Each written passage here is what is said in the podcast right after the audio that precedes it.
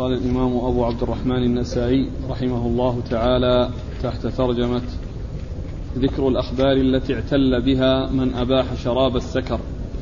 قال واحتجوا بحديث أبي مسعود عقبة بن عمرو رضي الله عنه. قال أخبرنا الحسن بن إسماعيل بن سليمان قال أنبأنا يحيى بن, يمان عن سفيان عن منصور عن خالد بن سعد عن أبي مسعود رضي الله عنه أنه قال عطش النبي صلى الله عليه وآله وسلم حول الكعبة فاستسقى فأتي بنبيذ من السقاية فشمه فقطب فقال علي بذنوب من زمزم فصب عليه ثم شرب فقال رجل أحرام هو يا رسول الله؟ قال لا وهذا خبر ضعيف لأن يحيى بن اليمان لأن يحيى بن يمان انفرد به دون أصحاب سفيان. ويحيى بن يمان لا يحتج بحديثه لسوء حفظه وكثرة خطئه. بسم الله الرحمن الرحيم. الحمد لله رب العالمين وصلى الله وسلم وبارك على عبده ورسوله نبينا محمد وعلى آله وأصحابه أجمعين. أما بعد فالترجمة التي تحتها هذا الحديث وما قبله من الأحاديث وما بعده من الأحاديث. هي ذكر الأخبار التي اعتل بها من أباح شراب السكر واعتل أي جعلها علة كما عرفنا. جعلها علة وهي مثل معنى الحجة ولهذا عبر في بعض المواضع بدل العلة الحجة. قال ومما احتجوا به بدلا من قوله ومما اعتلوا به. ومعناهما واحد لأن اعتل بمعنى جعله علة واحتج يعني جعله حج حجة. فالاعتلال هنا بمعنى الاحتجاج كما سبق أن عرفنا ذلك. وأورد النسائي حديث عقبة بن عقبة بن عمرو الأنصاري رضي الله تعالى عنه أبو مسعود البدري أن النبي صلى الله عليه وسلم عطش فأتي بنبيذ أتي بنبيذ. نعم نعم. فأتي بنبيذ فقربه إلى فيه فقطب يعني قطب جبينه ثم يعني آه، طلب ماء من زمزم وصب عليه ثم شرب. إيش بعده؟ فقال رجل أحرام هو. فقال أحرام هو. يا رسول الله قال لا. احتجاجهم بالحديث على اعتبار أن النبي صلى الله عليه وسلم لما قيل حرام هو قال لا. والحديث لم لا ليس بصحيح. ولو صح فإنه محمول على ما كان قبل الإسكار ولم يصل إلى حد الإسكار بأن يكون يعني لم يصل إليه وأضيف إليه ماء فغير من من حاله. وأما إذا كان مسكرا فإنه لا يجوز معالجته ولا إضافة شيء إليه وإنما تجب إراقته. فاحتجاجهم بالحديث أو اعتلالهم به أو احتجاجهم به على اعتبار أن الرسول صلى الله عليه وسلم لما سئل عنه قال أحرام هو. ولكن كما هو معلوم الشيء الذي آه، هو سائغ وجاءت به الأحاديث هو الشيء الذي لم يسكر. وأما الذي وصل إلى حد الإسكار فالنصوص الكثيرة الواردة في التنصيص عليه دالة على أنه غير سائغ وأنه لا تجوز معالجته ولا إضافة شيء إليه وإنما تجب إراقته. نعم. قال أخبرنا الحسن بن إسماعيل بن سليمان. الحسن بن إسماعيل بن سليمان ثقة أخرج حديثه؟ النسائي. أخرج حديثه النسائي وحده. عن يحيى بن يمان. عن يحيى بن يمان وهو صدوق يخطئ كثيرا وحديثه أخرجه البخاري في الدم وأخرجه مسلم وأصحاب السنن. عن سفيان. سفيان هو الثوري سفيان بن سعيد المسروق الثوري ثقة فقيه أخرجه أصحاب كتب الستة. عن منصور. عن منصور بن المعتمر الكوفي ثقة أخرج له أصحاب الكتب الستة. عن خالد بن سعد. عن خالد بن سعد وهو؟ ثقة أخرج البخاري والنسائي وابن ماجه. وهو ثقة أخرج حديث البخاري والنسائي وابن ماجه. عن أبي مسعود. عن أبي مسعود عقبة بن عمرو الأنصاري رضي الله تعالى عنه وحديثه أخرجه أصحاب الكتب الستة. قال فأتي بنبيذ من السقاية. فأتي بنبيذ من السقاية لعله المكان الذي يعني يسقى فيه الناس أو الذي يعني يتخذ لسقاء الناس. وكانوا يعني وكانوا في الجاهلية يعني يعني حتى في الجاهلية يعني كانوا يتخذون يعني يعني أماكن يعني ينبذون فيها يعني الشيء يعني حتى يعني يكون حلوا ويسقونه الحجاج. فالسقاية يعني المكان الذي يسقى سواء كان يعني سقاء الحجاج أو غير سقاية الحجاج أو غير سقاية الحجاج. نعم. قال وهذا خبر ضعيف لأن يحيى بن يمان انفرد به دون أصحاب سفيان. ويحيى بن يمان لا يحتج بحديثه لسوء حفظه وكثرة خطأه يعني آه، العلة في ضعفه هو يحيى بن يمان لكنه لو صح محمول على أنه لم يصل إلى حد الإسكار. قال أخبرنا علي بن حجر قال حدثنا عثمان بن حصن قال حدثنا زيد بن واقد عن خالد بن حسين أنه قال سمعت أبا هريرة رضي الله عنه يقول علمت أن رسول الله صلى الله عليه وآله وسلم كان يصوم في بعض الأيام التي كان يصومها فتحينت فطره بنبيذ صنعته في دباء فلما كان المساء جئته أحملها إليه فقلت يا رسول الله إني قد علمت أنك تصوم في هذا اليوم فتحينت فطرك بهذا النبيذ فقال أدنه مني يا أبا هريرة. فرفعته إليه فإذا هو ينش. فقال خذ هذه فاضرب بها الحائط فإن هذا شراب من لا يؤمن بالله ولا باليوم الآخر. ثم ورد النسائي حديث أبي هريرة رضي الله عنه الذي فيه أنه تحين فطر رسول الله صلى الله عليه وسلم في يوم كان صائما فيه فيعني انتبذ نبيذا في دباء وأتى به النبي صلى الله عليه وسلم في حين إفطاره. فالرسول صلى الله عليه وسلم رآه ينش يعني يغلي وهذه علامة الإسكار أو مقاربة الإسكار. فقال خذه واضرب به عرض الحائط ثم قال إن هذا شراب من لا يؤمن بالله واليوم الآخر.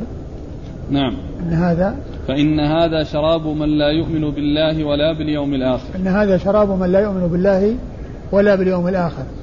المقصود آه، من ذلك أن الرسول صلى الله عليه وسلم رأى علامة الإسكار. وكونه ينش فالرسول صلى الله عليه وسلم أمر بإراقته وأن يضرب به عرض الحائط يعني بمعناه أنه يتلف ولا يستفاد منه وأخبر عليه الصلاة والسلام بأن هذا شراب من لا يؤمن بالله واليوم الآخر الذي يعني الذي هو الخمر يعني هو خمر والذي يشربها هم الذين إما كفار يستحلونها أو عصاة يحصل منهم يعني الوقوع في المعاصي ويغيب عنهم آه، ما يجري في اليوم الآخر من العذاب ولهذا يقدمون على فعل المعاصي لأنهم لا آه، يتنبهون أو لا يتذكرون العذاب الذي يكون يوم القيامة. وهذا هو المقصود من ذكر اليوم الآخر لأن آه، التذكير به والتنبيه عليه لأنه يوم الجزاء والحساب الذي يجازى الناس بأعمالهم من خيرا فخير وإن شرا فشر كما قال عز وجل فمن يعمل مثقال ذرة خيرا يره ومن يعمل مثقال ذرة شرا يره. نعم. قال أخبرنا علي بن حجر. علي بن حجر هو ثقة أخرج حديث البخاري ومسلم والترمذي والنسائي. عن عثمان بن حصن. عن عثمان بن حصن وهو ثقة أخرج له أبو داود في المراسيل والنسائي. وهو ثقة أخرج حديث أبو داود في المراسيل والنسائي. عن زيد بن واقد. عن زيد بن واقد وهو ثقة. نعم. أخرج له البخاري وأبو داود والنسائي وابن ماجه. أخرج حديث البخاري وأبو داود والنسائي. وابن ماجه. وابن ماجه. عن خالد بن حسين. عن خالد بن عبد الله بن حسين وهو مقبول. أخرج أبو داود والنسائي وابن ماجه. وهو مقبول. أخرج حديث أبو داود أخرج حديث أبو داود والنسائي وابن ماجه. عن أبي هريرة. عن أبي هريرة عبد الرحمن بن صخر الدوسي صاحب رسول الله صلى الله عليه وسلم وأكثر أصحابه حديثا على الإطلاق. قال ومما احتجوا به فعل عمر بن الخطاب رضي الله عنه. قال أخبرنا سويد قال أخبرنا عبد الله عن السري بن يحيى قال حدثنا أبو حفص إمام لنا وكان من أسنان الحسن. عن أبي رافع أن عمر بن الخطاب رضي الله عنه قال إذا خشيتم من نبيذ شدة فاكسروه بالماء. قال عبد الله من من قبل من قبل أن يشتد. ثم ورد النسائي هذا الأثر عن عمر بن الخطاب رضي الله تعالى عنه وهو أن عمر رضي الله عنه قال إذا خشيتم من نبيذ شدته فاكسروه بالماء يعني أضيفوا إليه ماء حتى تذهبوا شدته. وقال عبد الله الذي هو أحد رواة الحديث عبد الله المبارك من قبل أن من قبل؟ من قبل أن يشتد. من قبل أن يشتد يعني من قبل أن يصل إلى حد الإسكار. وهذا هو المناسب واللائق في حق عمر أن المقصود به إذا صح والأثر في إسناده يعني من هو مجهول. لكن لو صح فإنه محمول على ما كان غير مسكر يعني من ما هو قبل الإسكار.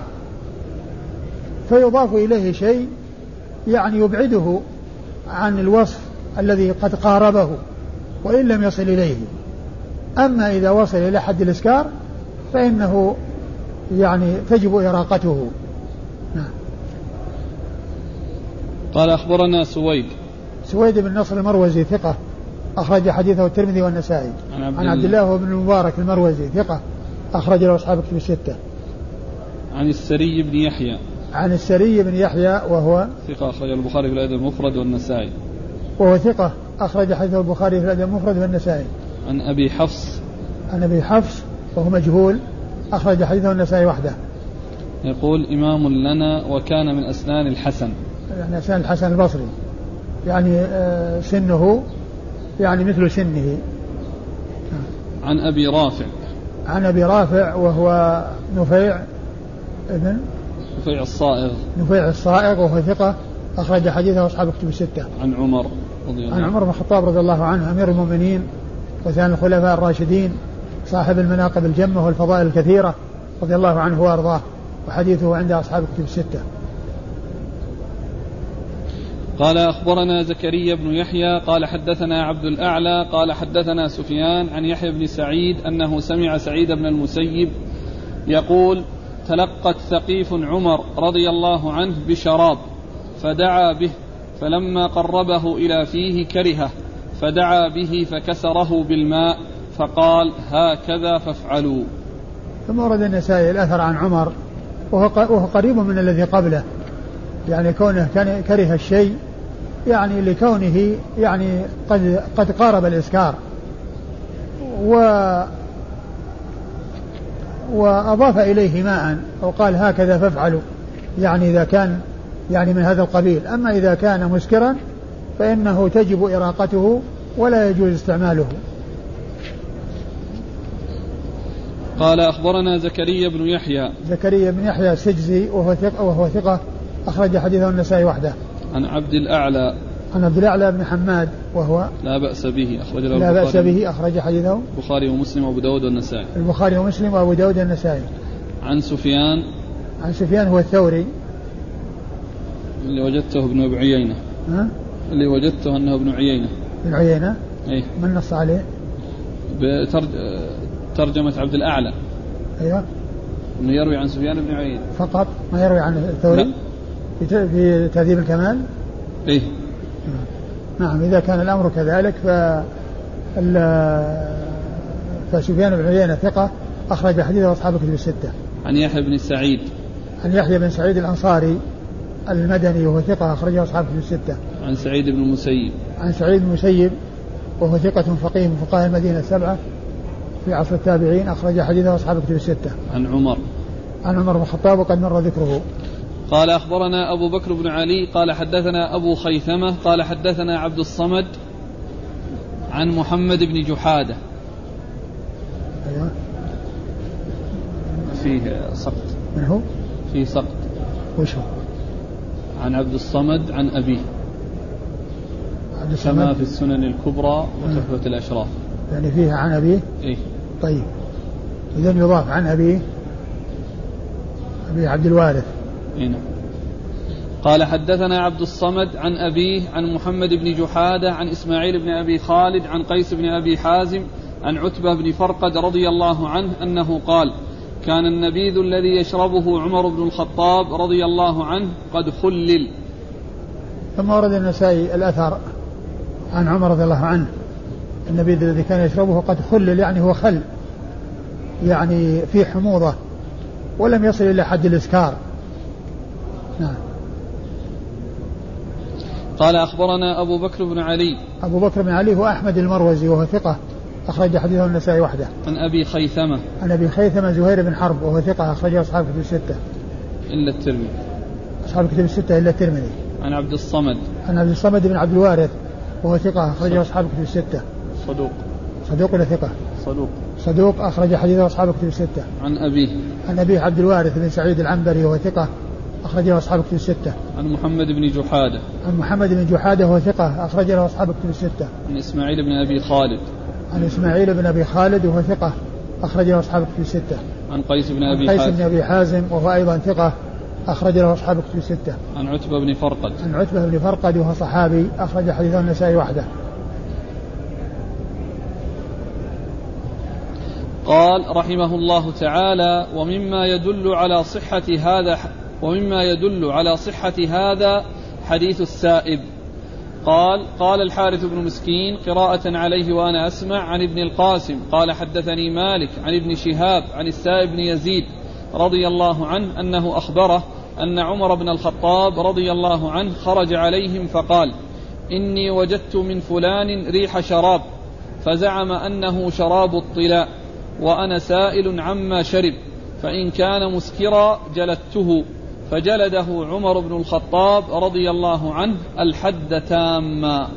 ثم ورد النسائي أثر عمر وقال إنه يدل على صحة يعني يعني هذا حديث السائب يعني أنه لم يصل إلى حد الإسكار. وأما ما وصل إلى حد الإسكار فعمر يجلد على شربه وعلى استعماله إذا كان يصل إلى حد الإسكار. وإذا فالشيء الذي شربه عمر هو من قبيل ما لم يصل إلى حد الإسكار. يعني الذي هو خل يعني فيه حموضة يضاف إليه ماء حتى يكسر حموضته يكسر يكسر حموضته ويخففها أو يزيلها. وأما إذا كان وصل إلى حد الإسكار فإن عمر رضي الله عنه يجلد عليه الحد.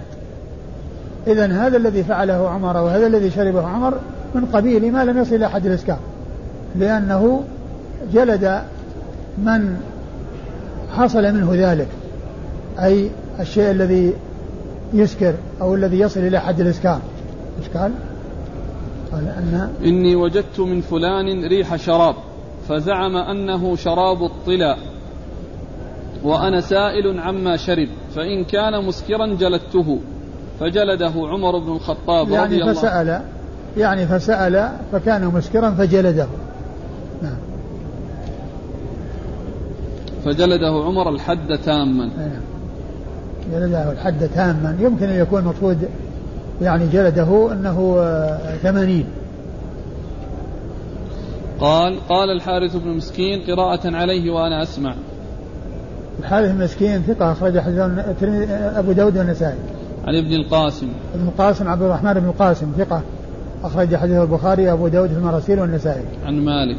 عن مالك بن أنس إمام دار الهجرة الإمام المشهور. عن ابن شهاب. عن ابن شهاب محمد بن مسلم بن عبد الله بن شهاب الزهري ثقة أخرج له أصحاب كتب الستة. عن السائب بن يزيد. عن السائب بن يزيد وهو صحابي صغير. أخرج حديثه أصحاب كتب الستة. عن عمر. عن عمر رضي الله عنه وقد مر ذكره. قال رحمه الله تعالى ذكر ما أعد الله عز وجل لشارب المسكر من الذل والهوان وأليم العذاب. قال أخبرنا قتيبة قال حدثنا عبد العزيز عن عمارة بن غزية عن أبي الزبير عن جابر رضي الله عنه أن رجلا من جيشان وجيشان من اليمن قدم فسأل رسول الله صلى الله عليه وآله وسلم عن شراب يشربونه بأرضهم من الذرة يقال له المزر. فقال النبي صلى الله عليه وآله وسلم أمسكر هو؟ قال نعم. قال رسول الله صلى الله عليه وآله وسلم كل مسكر حرام. إن الله عز وجل عهد لمن شرب المسكر أن يسقيه من طينة الخبال. قالوا يا رسول الله وما طينة الخبال؟ قال عرق أهل النار أو قال عصارة أهل النار. ثم ورد النسائي هذه الترجمة إلى ذكر ما أعد الله لشارب الخمر من الذل والهوان وأليم وأليم العذاب. نعم؟ نعم. آه آه أورد النسائي حديث من؟ حديث جابر. أورد النسائي حديث جابر رضي الله عنه أن أن رسول الله صلى الله عليه وسلم جاءه رجل من جيشان. من جيشان من جيشان. وجيشان من اليمن. وقال إن عندهم شراب يشربونه يتخذونه من الذرة يقال له المزر. فقال أمسكر هو؟ قال نعم. قال كل مسكر حرام. يعني سأل عليه الصلاة والسلام عن هذا الشراب الذي يعني يسمونه المزر ويتخذ من الذرة. سأل هل هو مسكر أو غير مسكر. فلما أخبر بأن بأنه مسكر قال هو كل مسكر حرام. يعني كل ما كان متصفا بهذا الوصف فهو حرام من أي شيء كان. سواء كان من الذرة أو من الشعير أو من التمر أو من الزبيب أو من العنب من أي شيء. ما دام أنه يصل إلى حد إسكار فإنه يكون حراما. ولهذا الرسول صلى الله عليه وسلم يأتي بالكلام العام الذي يشمل المسؤول عنه وغير المسؤول عنه. ما اكتفى وقال هو حرام فقط. المزر الذي يسكر حرام وإنما قال كل مسكر حرام. يعني يدخل هذا وغيره. فهذا بالسؤال خاص والجواب عام يندرج فيه ذلك الخاص. وهذا من جوامع كلمة عليه الصلاة والسلام. يأتي بالكلام القليل المبنى الواسع المعنى. لأنه سئل عن شراب يقال له المزر وعرف أنه مسكر فقال كل مسكر حرام. يعني هذا وغيره من كل ما يسكر أيوة. كل مسكر حرام. إن الله عز وجل عهد لمن شرب المسكر أن يسقيه من طينة الخبال. إن الله عهد لمن شرب المسكر. بعدما ذكر أن كل مسكر حرام قال من شرب المسكر عهد الله يعني أنه آه، يسقيه من طينة الخبال. وطينة الخبال هي عصارة أهل النار أو عرق أهل النار. وهذا فيه ذل وهوان وعذاب شديد. يعني كونه يعني يشرب من هذا الماء الذي هو عصارة أهل النار وعرق أهل النار يعني هذا فيه ذلة وهوان وعذاب شديد والعياذ بالله نعم قال أخبرنا قتيبة قتيبة بن سعيد بن جميل بن طريف ثقة أخرجه أصحاب كتب الستة. عن عبد العزيز. عن العزيز بن محمد الدراوردي وهو صدوق أخرجه أصحاب كتب الستة. عن عمارة بن غزية. عن عمارة بن غزية لا بأس به. نعم. أخرج حديثه البخاري تعليقا ومسلم وأصحاب السنن. البخاري تعليقا ومسلم وأصحاب السنن الأربعة. عن أبي الزبير. عن أبي الزبير محمد بن تدرس المكي صدوق يدلس أخرج حديثه أصحاب كتب الستة. عن جابر. عن جابر بن عبد الله الأنصاري رضي الله تعالى عنهما وهو أحد السبعة المعروفين بكثرة الحديث عن النبي صلى الله عليه وسلم قال رحمه الله تعالى الحث على ترك الشبهات. قال أخبرنا حميد بن مسعدة عن يزيد وهو ابن زريع عن ابن عون عن الشعبي عن النعمان بن بشير رضي الله عنهما أنه قال سمعت رسول الله صلى الله عليه وآله وسلم يقول إن الحلال بين وإن الحرام بين وإن بين ذلك أمور أمورا مشتبهات وربما قال وإن بين ذلك أمورا مشتبهة وسأضرب في ذلك مثلا. إن الله عز وجل حمى حمى وإن حمى الله ما وإن حمى الله ما حرم وإنه من يرع حول الحمى يوشك أن يخالط الحمى. يرعى. من يرعى. وإنه من يرع يرع. يرعى. بالألف؟ لا بس محذوفة الألف لأنها يعني شرطية. إيه. وإنه من يرع من يرعى. من يرعى حول الحمى يوشك أن يخالط الحمى. وربما قال يوشك أن يرتع وإن من خالط الريبة يوشك أن يجسر. ثم ورد النسائي هذه الترجمة هي ترك الشبهات. الحث على ترك الشبهات. الحث على ترك الشبهات. يعني المتردد يعني بين الحرمة والحل والمشتبه في كونه حراما فالاحتياط تركه والورع تركه. هذا هو المقصود من الترجمة. وقد أورد النسائي حديث النعمان بن بشير رضي الله تعالى عنهما الحديث المشهور أن الحلال بين وإن الحرام بين وبينهما مشتبهات لا يعلمهن كثير من الناس. وقد رواه البخاري ومسلم وغيرهما بألفاظ مختلفة ورواه النسائي ب يعني بهذا اللفظ وقال إن الحلال بين والحرام بين وبينهما مشتبهات أو مشتبهات نعم. وإن بين ذلك أمورا مشتبهات وإن بين ذلك يعني بين الحلال والحرام. مشتبه هل هو حلال أو حرام؟ متردد بين أن يكون حلالا أو حراما. فهذا الورع تركه. أنه يترك. دع ما يريبك إلى ما لا يريبك. أيوة. وسأضرب ذلك مثلا. وس... نعم. وسأضرب في ذلك مثلا. إن الله عز وجل حمى حمى وإن حمى الله ما حرم. إن الله حمى حمى وإن حمى الله ما حرم. ومن المعلوم أن الإنسان إذا كان بعيدا عن الحمى فإنه يسلم من الوقع في الحمى. وأما إذا كان قريبا من الحمى يوشك أن يقع فيه. يعني قال كالراعي يرعى حول الحمى يوشك أن أن يقع فيه.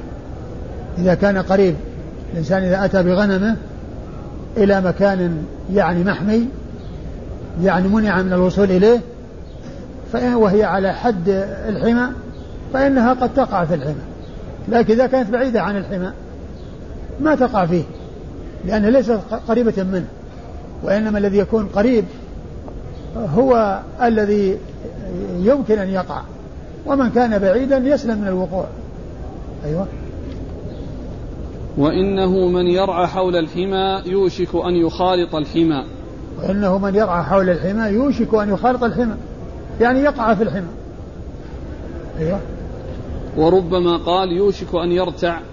وربما قال يوشك أن يرتع يعني يحصل الرعي كونه يعني آه، غنمة ترعى من ذلك الذي هو محمي. وإن من خالط الريبة يوشك أن يجسر. وإن من خالط الريبة يوشك أن يجسر على الشيء الذي يعني فيه ريبة وفيه يعني آه، وفيه آه، يعني حرام واضح. يعني الشيء الذي يرتاب فيه ويتردد فيه الذي آه، الذي يخالط الريبة أي الذي يقع في الشيء المشتبه يوشك أن يجسر بأن يقع في المحرم يوشك أن يجسر يعني يقع في المحرم ويصير عنده يعني وصول إلى المحرم نعم. قال أخبرنا حميد بن مسعدة حميد بن مسعدة البصري صدوق أخرج حديثه مسلم وأصحاب السنة. عن يزيد وهو ابن زريع. يزيد وهو ابن زريع ثقة أخرج له أصحاب كتب الستة. عن ابن عون. عن ابن عون عبد الله بن عون ثقة أخرجه أصحاب كتب الستة. عن الشعبي. عن الشعبي عامر بن شراحيل الشعبي ثقة فقيه أخرجه أصحاب كتب الستة. عن, عن النعمان. بن بشير. عن النعمان بن بشير رضي الله عنهما وهو صحابي من صحابي وحديثه أخرجه أصحاب كتب الستة. وهذا الحديث قال فيه النعمان سمعت رسول الله صلى الله عليه وسلم يقول كذا. والنعمان توفي رسول الله عليه الصلاة والسلام وعمره ثمان سنوات. فهذا مما يتحمله الصغير في حال صغره ويؤديه في حال كبره. وهذا يعني معتبر عند المحدثين كون كون الصغير يتحمل في حال الصغر ويؤدي في حال الكبر أو الكافر يتحمل في حال الكفر ويؤدي في حال الإسلام. لأن العبرة في حال الأداء. العبرة في حال الأداء. وهنا نعمان بشير يقول سمعت رسول الله صلى الله عليه وسلم يقول كذا. والرسول توفي وعمره ثمان سنوات. يعني أنه سمع قبل يعني آه هذه السن أو في يعني قبل أن يصل إلى هذه السن التي توفي رسول الله صلى الله عليه وسلم وقد بلغها. قال أخبرنا محمد بن أبان قال حدثنا عبد الله بن إدريس قال أخبرنا شعبة عن بريد بن أبي مريم عن أبي الحوراء السعدي أنه قال قلت للحسن بن علي رضي الله عنهما ما حفظت من رسول الله صلى الله عليه وآله وسلم؟ قال حفظت منه دع ما يريبك إلى ما لا يريبك. ثم ورد النسائي حديث الحسن بن علي رضي الله تعالى عنهما. أنه حفظ من رسول الله صلى الله عليه وسلم قوله دع ما يريبك إلى ما لا يريبك دع ما يريبك إلى ما لا يريبك. يعني الشيء الذي في نفسك منه شيء اتركه إلى شيء لا تتردد فيه. يعني دع المشتبه وخذ بالحلال البين وخذ بالحلال البين الذي لا شبهة فيه. وأما الشيء الذي يشتبه فيه فالاحتياط تركه والورع تركه. وهذا من جوامع كلمة عليه الصلاة والسلام. دع ما يريبك إلا ما لا يريبك. ولهذا النووي رحمه الله ذكر هذا الحديث والذي قبله في الأربعين النووية. حديث أن الحلال بين والحرام بين وحديث دع ما يريبك إلا ما يريبك. وهما من جوامع كلمة عليه الصلاة والسلام. والأربعين النووية هي من جوامع الكلم أحاديث يعني جوامع. ولهذا الحافظ بن حجر لما أضاف إليها ثمانية أحاديث وصارت خمسين شرحها بكتاب سماه جامع العلوم والحكم في شرح خمسين حديثا من جوامع الكلم. في شرح خمسين حديثا من جوامع الكلم. والحسن أخرج حديثه. أصحاب السنن. أصحاب السنن الأربعة. أيوه الإسناد. قال أخبرنا محمد بن أبان. محمد بن أبان. ثقة أخرج له البخاري وأصحاب السنن. ثقة أخرج حديث البخاري وأصحاب السنن. عن عبد الله بن إدريس. عن عبد الله بن إدريس الأودي وهو ثقة أخرجه أصحاب كتب الستة. عن شعبة. عن شعبة بن الحجاج الواسطي ثم البصري ثقة أخرج له أصحاب كتب الستة. عن بريد بن أبي مريم. عن بريد بن أبي مريم وهو ثقة أخرج البخاري بن أبي المفرد وأصحاب السنن. وهو ثقة أخرج حديث حديث البخاري في الأدب المفرد وأصحاب السنن. عن أبي الحوراء السعدي. وهو ربيعة بن شيبان ثقة أخرج له أصحاب السنن. ربيعة بن شيبان ثقة أخرج له أصحاب السنن. عن الحسن بن علي. عن الحسن بن علي بن أبي طالب رضي الله عنهما وهو آه، أحد السبطين رضي الله تعالى عنهما وأرضاهما وعن الصحابة أجمعين وحديثه أخرجه أصحاب السنة الأربعة. قال رحمه الله تعالى الكراهية في بيع الزبيب لمن يتخذه نبيذا. قال أخبرنا الجارود بن معاذ هو باوردي. قال حدثنا أبو سفيان محمد بن حميد عن معمر عن ابن طاووس عن أبيه أنه كان يكره أن يبيع الزبيب لمن يتخذه نبيذا. ثم ورد النسائي هذه الترجمة وهي الكراهية في بيع الزبيب لمن الكراهية في بيع الزبيب لمن يتخذه خمرا. لمن يتخذه نبيذا. لمن يتخذه نبيذا. بيع الزبيب لمن يتخذه نبيذا. والمقصود بالنبيذ يعني أنه الذي يسكر. وأما إذا كان شيئا لا يسكر فإنه لا بأس بذلك. آه والكراهة هنا بمعنى التحريم. لأنه إذا عرف بأن الذي يشتري الزبيب يعني مهمته أنه يفعل هذا الفعل فإنه لا يجوز لأن هذا من التعاون على الإثم والعدوان. لأن هذا يعتبر من التعاون على الإثم والعدوان ومن الإعانة على المعصية. وهذا من وهذا من سد الذرائع. لأن هذا من سد الذرائع يعني كونه يعني يمنع من بيعه على من يتخذ منه الخمر يعني لأن فيه سد للذريعة الموصلة إلى المحرم.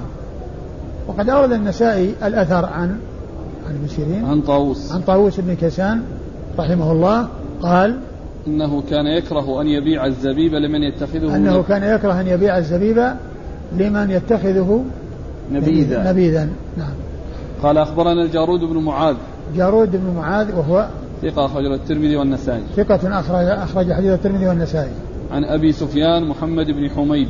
عن أبي سفيان محمد بن حميد وهو ثقة أخرج البخاري تعليقا ومسلم والنسائي بن ماجه. هو ثقة أخرج حديث البخاري تعليقا ومسلم والنسائي وابن ماجه. عن معمر عن معمر بن راشد الأزدي ثقة أخرج له أصحاب كتب الستة. عن ابن طاووس. عن ابن طاووس عبد الله بن طاووس ثقة أخرج له أصحاب كتب الستة. عن أبيه طاووس وهو ثقة أخرج له أصحاب كتب الستة. قال رحمه الله تعالى الكراهية في بيع العصير قال أخبرنا سويد قال أنبأنا عبد الله عن سفيان بن دينار عن مصعب بن سعد أنه قال كان لسعد رضي الله عنه كروم وأعناب كثيرة وكان له فيها أمين فحمل فحملت عنبا كثيرا فكتب إليه إني أخاف على الأعناب الضيعة فإن, فإن رأيت أن أعصره عصرته.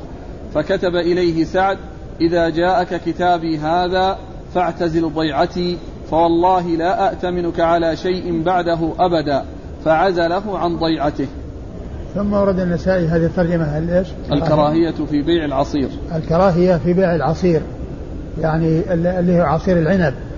والمقصود من ذلك الشيء الذي يعني يكون يعني مسكرا أو يشتبه في أن يكون مسكرا. وإلا فإنه إذا كان غير مسكر فإنه مباح. وقد أورد النسائي أثر سعد بن أبي وقاص رضي الله سعد بن أبي وقاص رضي الله تعالى عنه أنه قال قال إيش؟ يقول مصعب كان كان لسعد كروم وأعناب كثيرة وكان له فيها أمين فحملت عنبا كثيرا فكتب إليه.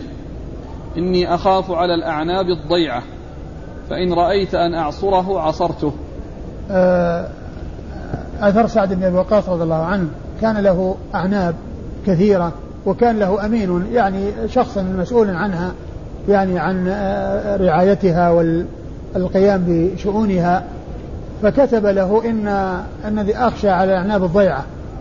يعني معناه أن العنب يعني كثير ويعني يخشى عليه أنه يعني إذا ما عصر أنه يعني يضيع ولا يستفاد منه فإن رأيت أن أعصره عصرته. و فسعد رضي الله عنه رأى أنه يعزله وأن يتخلص منه وألا يبقى في بستانه لأن هذا يعني كونه يعصره يعني في وسيلة إلى إلى الخمر وإن كان قد لا يصل إلى الخمر لكن هذا من باب الورع. والاحتياط لأن كونه يعني يتخذ يعني مثل ذلك أو يقدم إلى مثل ذلك وإن كان في أصله مباحا إلا أنه قد يؤدي يعني إلى الحرمة بحيث يعني يصل إلى حد الإسكار ذلك العصير. فهو ليس لأن العصير محرم في حد ذاته ما دام أنه لم يصل إلى حد الإسكار فهو مباح. ولكن هذا من باب الورع خشية أن يصل إلى حد الإسكار أو يكون ذلك وسيلة إلى أن يصل هذا الذي يعصر إلى حد الإسكار ومن أجل ذلك عزله وقال إن له اعتزل ضيعتي ولا تعمل فيها. نعم. قال أخبرنا سويد عن عبد الله عن سفيان بن دينار. سفيان بن دينار إيش قال فيه؟ ثقة أخرج البخاري والنسائي. ثقة أخرج حديث البخاري والنسائي. عن مصعب بن سعد. عن مصعب بن سعد بن أبي وقاص وهو ثقة. أخرج له أصحاب كتب الستة. عن سعد. عن سعد بن أبي وقاص رضي الله عنه أحد آه، العشرة المبشرين بالجنة وحديثه عند أصحاب الكتب الستة. قال أخبرنا سويد قال أخبرنا عبد الله عن هارون بن إبراهيم عن ابن سيرين أنه قال بعه عصيرا ممن يتخذه طلاء ولا يتخذه خمرا. وهذا أثر عن ابن سيرين. بعه عصيرا لمن يتخذه طلاء ولا يتخذه خمرا. يعني وهذا يعني أبين أن العصير الذي يعني أن العصير في حد ذاته أنه سائر وإذا بيع العصير على من يتخذه طلاء ولا يتخذه خمرا فإن ذلك سائر وأما من يتخذه خمرا فإن ذلك لا يجوز. والطلاء هو الذي يطبخ. يعني يطبخ حتى يعني يتعقد. ويصير كالطلاء الذي تطلى به الإبل.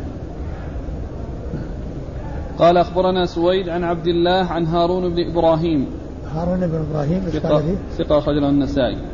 هارون بن إبراهيم ثقة أخرج حديثه النسائي. عن ابن سيرين. عن ابن سيرين محمد بن سيرين البصري ثقة أخرج له أصحاب في الستة. قال رحمه الله تعالى ذكر ما يجوز شربه من الطلاء وما لا يجوز. قال أخبرنا محمد بن عبد الأعلى قال حدثنا المعتمر قال سمعت منصورا قال سمعت منصورا عن إبراهيم عن نباتة عن سويد بن غفلة أنه قال كتب عمر بن الخطاب رضي الله عنه إلى بعض عماله أن ارزق المسلمين من الطلاء ما ذهب ثلثاه وبقي ثلثه. ثم ورد النسائي ما يجوز شربه من الطلاء وما لا يجوز. والطلاء هو العصير عصير العنب الذي يطبخ حتى يعني يشتد يعني معناه إنه يعني آه، آه، يثخن يكون ثخينا بدل ما يكون سائلا مائعا ذائبا يعني يكون ثخينا متعقدا ويكون كالطلاء الذي تطلى به الإبل.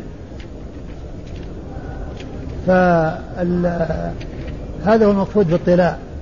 وقد أورد النسائي آثر عمر بن عبد العزيز. عمر الخطاب. عمر الخطاب.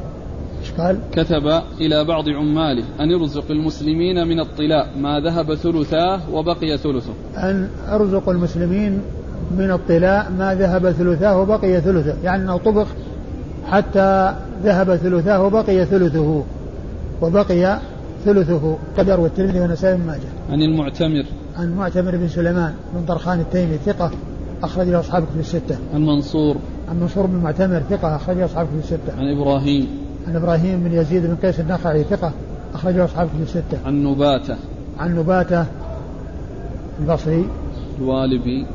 الوالبي نعم وهو مقبول أخرجه النسائي. مقبول أخرج حديث النسائي وحده. عن سويد بن غفلة. عن سويد بن غفلة وهو ثقة مخضرم أخرج له أصحاب كتب الستة. عن عمر. نعم. عن عمر بن الخطاب. عن عمر بن الخطاب رضي الله عنه وقد مر ذكره. قال أخبرنا سويد قال أخبرنا عبد الله عن سليمان التيمي عن أبي مجل مجلد عن عامر بن عبد الله أنه قال قرأت كتاب عمر بن الخطاب رضي الله عنه إلى أبي موسى رضي الله عنه. أما بعد فإنها قدمت علي عير من الشام تحمل شرابا غليظا أسود كطلاء الإبل وإني سألتهم على كم يطبخونه فأخبروني أنهم يطبخونه على الثلثين. ذهب ثلثاه الأخبثان ثلث ببغي ببغيه وثلث بريحه فمر من قبلك يشربونه. ثم ورد النسائي أثر عمر رضي الله عنه المتعلق بالطلاء وأنه يعني وفيه وصفه أنه طلاء أسود يعني آه غليظ آه قال فيه بعد يقول فإنها قد يقول عمر إلى كتب عمر إلى أبي موسى أما بعد فإنها قدمت علي عير من الشام تحمل شرابا غليظا أسودا كطلاء الإبل نعم. وإني سألتهم على كم يطبخونه فأخبروني أنهم يطبخونه على الثلثين. ذهب ثلثاه الأخبثان ثلث ببغيه وثلث بريحه فمر من قبلك يشربونه. يعني أنه إذا طبخ يعني وذهب ثلثاه يكون ثلث لبغيه يعني شدته وريحه يعني رائحته الكريهة ويبقى بعد ذلك الذي هو حسن المذاق وطيب المذاق الذي أذن بشربه. نعم. قال أخبرنا سويد عن عبد الله عن سليمان التيمي. سليمان بن طرخان التيمي ثقة أخرجه أصحاب في الستة. عن أبي مجلز. عن أبي مجلز لاحق بن حميد وهو ثقة أخرجه أصحاب كتب الستة. عن عامر بن عبد الله. عن عامر بن عبد الله وهو مجهول أخرج حديثه النسائي وحده.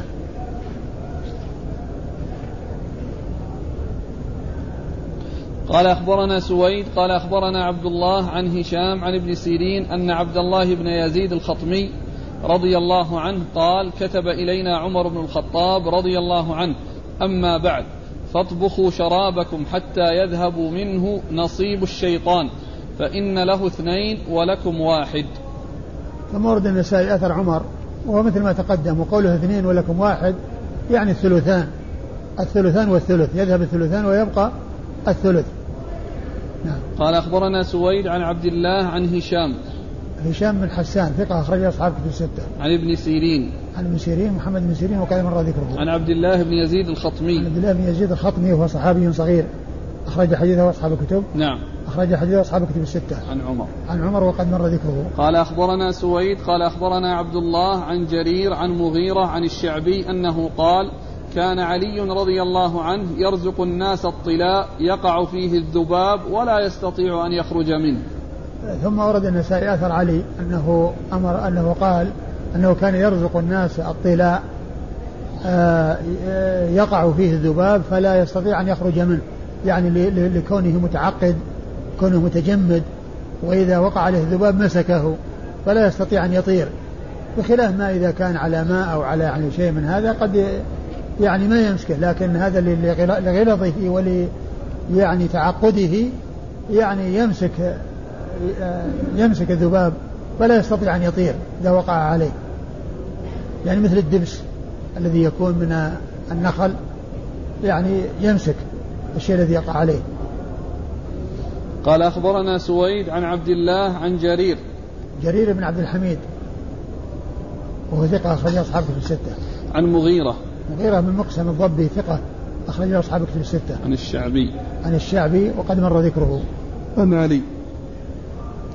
عن علي رضي عن الله علي بن أبي طالب رضي الله تعالى عنه وهو أمير المؤمنين ورابع الخلفاء الراشدين الهادين المهديين صاحب المناقب الجمة والفضائل الكثير رضي الله عنه وأرضاه. قال أخبرنا محمد بن المثنى قال حدثنا ابن أبي عدي عن داود أنه قال سألت سعيدا ما الشراب الذي أحله عمر رضي الله عنه؟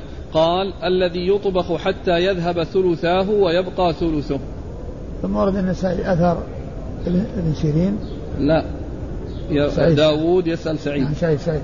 ثم أورد النسائي أثر سعيد بن المسيب رحمة الله عليه أنه سئل عن الشراب الذي أحله عمر قال هو الذي يطبخ فيذهب ثلثاه ويبقى ثلثه الذي هو الطلاء. قال أخبرنا محمد بن المثنى. محمد المثنى الزمن أبو موسى العنزي ثقة أخرج له أصحاب الكتب الستة وهو شيخ لأصحاب الكتب الستة. عن ابن أبي عدي. عن ابن أبي عدي محمد بن إبراهيم وهو ثقة أخرج له أصحاب الكتب الستة. عن داود. عن داود بن أبي هند وهو ثقة أخرج حديث البخاري تعليقا. نعم. ومسلم وأصحاب السنة الأربعة. عن سعيد. عن سعيد بن المسيب وقد مر ذكره. قال أخبرنا زكريا بن يحيى قال حدثنا عبد الأعلى قال حدثنا حماد بن سلمة عن داود عن سعيد بن المسيب أن أبا الدرداء رضي الله عنه كان يشرب ما ذهب ثلثاه وبقي ثلثه. ثم ورد أثر أبي الدرداء وهو مثل ما جاء عن عمر رضي الله عنه. قال أخبرنا زكريا بن يحيى عن عبد الأعلى وقد مر ذكرهما. عن حماد بن سلمة. محمد بن سلمة ثقة. أخرج حديث البخاري تعليقا ومسلم وأصحاب السنن عن داود عن سعيد بن المسيب. عن داود عن سعيد المسيب وقد مر ذكرهما. قال أخبرنا سويد. قال أخبرنا عبد الله عن هشيم أنه قال أخبرنا إسماعيل بن أبي خالد عن قيس بن أبي حازم عن أبي موسى الأشعري رضي الله عنه أنه كان يشرب من الطلاء ما ذهب ثلثاه وبقي ثلثه. من هو؟ أبو موسى؟ عن أبي موسى الأشعري. نعم ثم ورد النسائي. أثر أبي موسى الأشعري أنه وهو مثل أثر أبي الدرداء المتقدم يشرب ما ذهب ثلثاه وبقي ثلثه يعني من الطلاء إذا طبخ العصير. قال أخبرنا سويد عن عبد الله عن هشيم. وشيء من بشير الواسطي ثقة أخرجه أصحاب كتب الستة. عن إسماعيل بن أبي خالد. إسماعيل بن أبي خالد وقيس بن أبي حازم. عن إسماعيل بن أبي خالد عن قيس بن أبي وقد حازم. مر ذكرهما. عن أبي موسى الأشعري. عن أبي موسى الأشعري عبد الله بن قيس. رضي الله تعالى عنه وحديثه أخرجه أصحاب كتب الستة. قال أخبرنا سويد قال أخبرنا عبد الله عن سفيان عن يعلى بن عطاء أنه قال سمعت سعيد بن المسيب وسأله أعرابي عن شراب يطبخ على النصف فقال لا حتى يذهب ثلثاه ويبقى الثلث.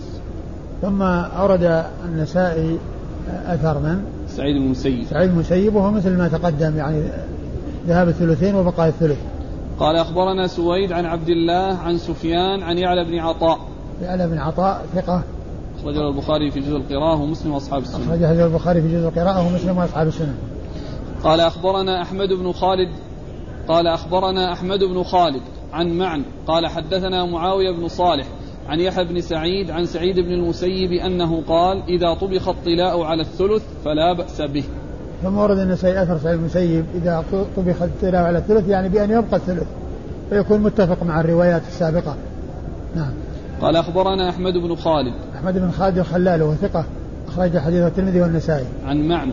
عن معن بن عيسى وهو ثقة أخرجه أصحاب كتب الستة. عن معاوية بن صالح. عن معاوية بن صالح وهو ثقة. صدوق له وهو صدوق له أوهام أخرج حديث البخاري في جزء القراءة ومسلم وأصحاب السنن. عن يحيى بن سعيد عن سعيد بن المسيب. وقد مر ذكرهما. قال أخبرنا سويد قال أخبرنا عبد الله عن يزيد بن زريع قال حدثنا أبو رجاء أنه قال سألت الحسن عن الطلاء المنصف فقال لا تشربه. ثم ورد النسائي أثر الحسن عن الطلاء المنصف أي الذي ذهب نصفه فقال لا تشربه يعني حتى يذهب الثلثان. أيوه. قال أخبرنا سويد عن عبد الله عن يزيد بن زريع يزيد كل كل هؤلاء مر ذكرهم عن أبي رجاء. عن أبي رجاء محمد بن سيف وهو ثقة أخرج حديثه مسلم والنساء أخرج حديثه أبو داود في المراسيل والنسائي. عن الحسن. عن الحسن بن أبي الحسن البصري وهو ثقة أخرج له أصحاب الكتب الستة. قال أخبرنا سويد قال أخبرنا عبد الله عن بشير بن المهاجر أنه قال سألت الحسن عما يطبخ من العصير فقال عما يطبخ من العصير قال ما تطبخه حتى يذهب الثلثان ويبقى الثلث. من هو؟ الحسن.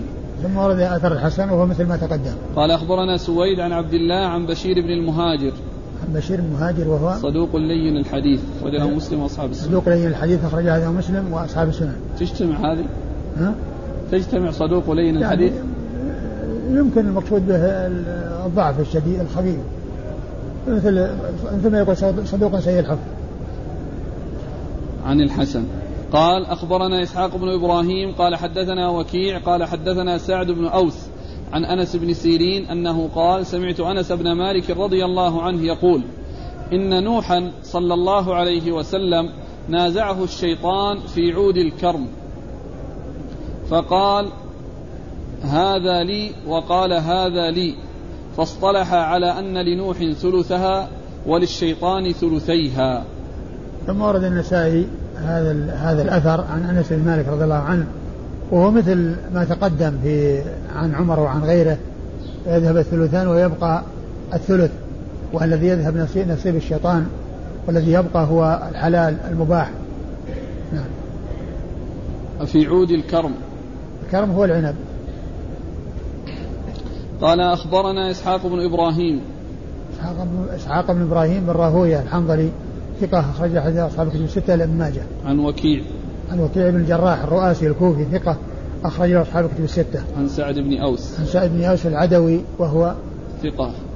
ما هو العبسي؟ لا العدوي.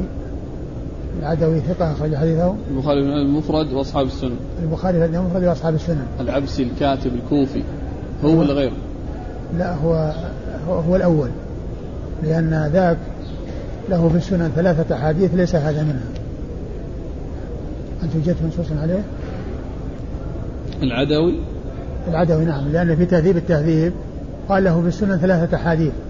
ثم ذكر الأحاديث وليس هذا منها. العدوي هذا ولا الثاني؟ لا ذاك.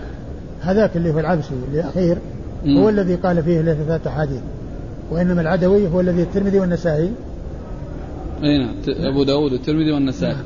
خرج حديث أبو داود والترمذي والنسائي. ويكون يكون سعد بن أوس العدوي أو العبدي أبو محمد البصري صدوق له أغاليط. نعم صدوق له أغاليط. أخرج حديثه أبو داود والترمذي والنسائي. يعني اعتمادا على ما ذكره الحافظ في التهذيب؟ والله كان يعني إذا كان وجدت شيئا غير هذا يعني لأنه قال ثلاثة أحاديث له في السنن وذكرها وليس هذا منها. نراجع إن شاء الله. عن أنس بن سيرين عن أنس بن سيرين وهو ثقة أخرجه أصحاب كتب الستة عن أنس بن مالك أنس بن مالك رضي الله عنه صاحب رسول الله صلى الله عليه وسلم وخادمه وأحد السبعة المعروفين بكثره الحديث عن النبي صلى الله عليه وسلم. قال أخبرنا سويد قال أخبرنا عبد الله عن عبد الملك بن طفيل الجزري قال كتب إلينا عمر بن عبد العزيز الا تشربوا من الطلاء حتى يذهب ثلثاه ويبقى ثلثه وكل مسكر حرام. ثم ورد النسائي أثر عمر بن عبد العزيز وهو مثل ما تقدم. قال أخبرنا سويد عن عبد الله عن عبد الملك بن طفيل وهو مقبول أخرج حديث النسائي وحده. عن عمر بن عبد العزيز. عن عمر بن عبد العزيز هو الخليفة آه وحديثه أخرجه أصحاب كتب الستة. قال أخبرنا إسحاق بن إبراهيم قال حدثنا المعتمر عن برد عن مكحول أنه قال كل مسكر حرام. ثم ورد النسائي أثر مكحول كل مسكر حرام وقد جاء فيها حديث كثيرة. تنص على أن كل مسكر حرام. و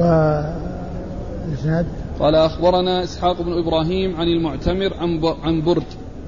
عن برد وهو ابن؟ ابن سنان الشامي صدوق أخرج له البخاري. الشامي صدوق. أخرج له البخاري في الأدب المفرد وأصحاب السنن. أخرج حديث البخاري في المفرد وأصحاب السنن. عن مكحول. عن مكحول الشامي وهو ثقة يرسل كثيرا أخرج حديث البخاري في جزء القراءة ومسلم وأصحاب السنن. هذا الأخير هل يناسب الترجمة؟ كل مسكر حرام وذكر ما يجوز شربه من الطلاء وما لا يجوز. يعني يناسبها من جهة أن أن ما أسكر منه يكون حراما وما لم يسكر يكون حلال. يعني ما كان دون الإسكار حلال. وما جاء في من ذكر الطلاء أن ما وصل إلى حد الإسكار يحرم وما لم يصل إليه فإنه يحل. قال رحمه الله تعالى ما يجوز والله تعالى أعلم وصلى الله وسلم وبارك على عبده ورسوله نبينا محمد وعلى آله وأصحابه أجمعين.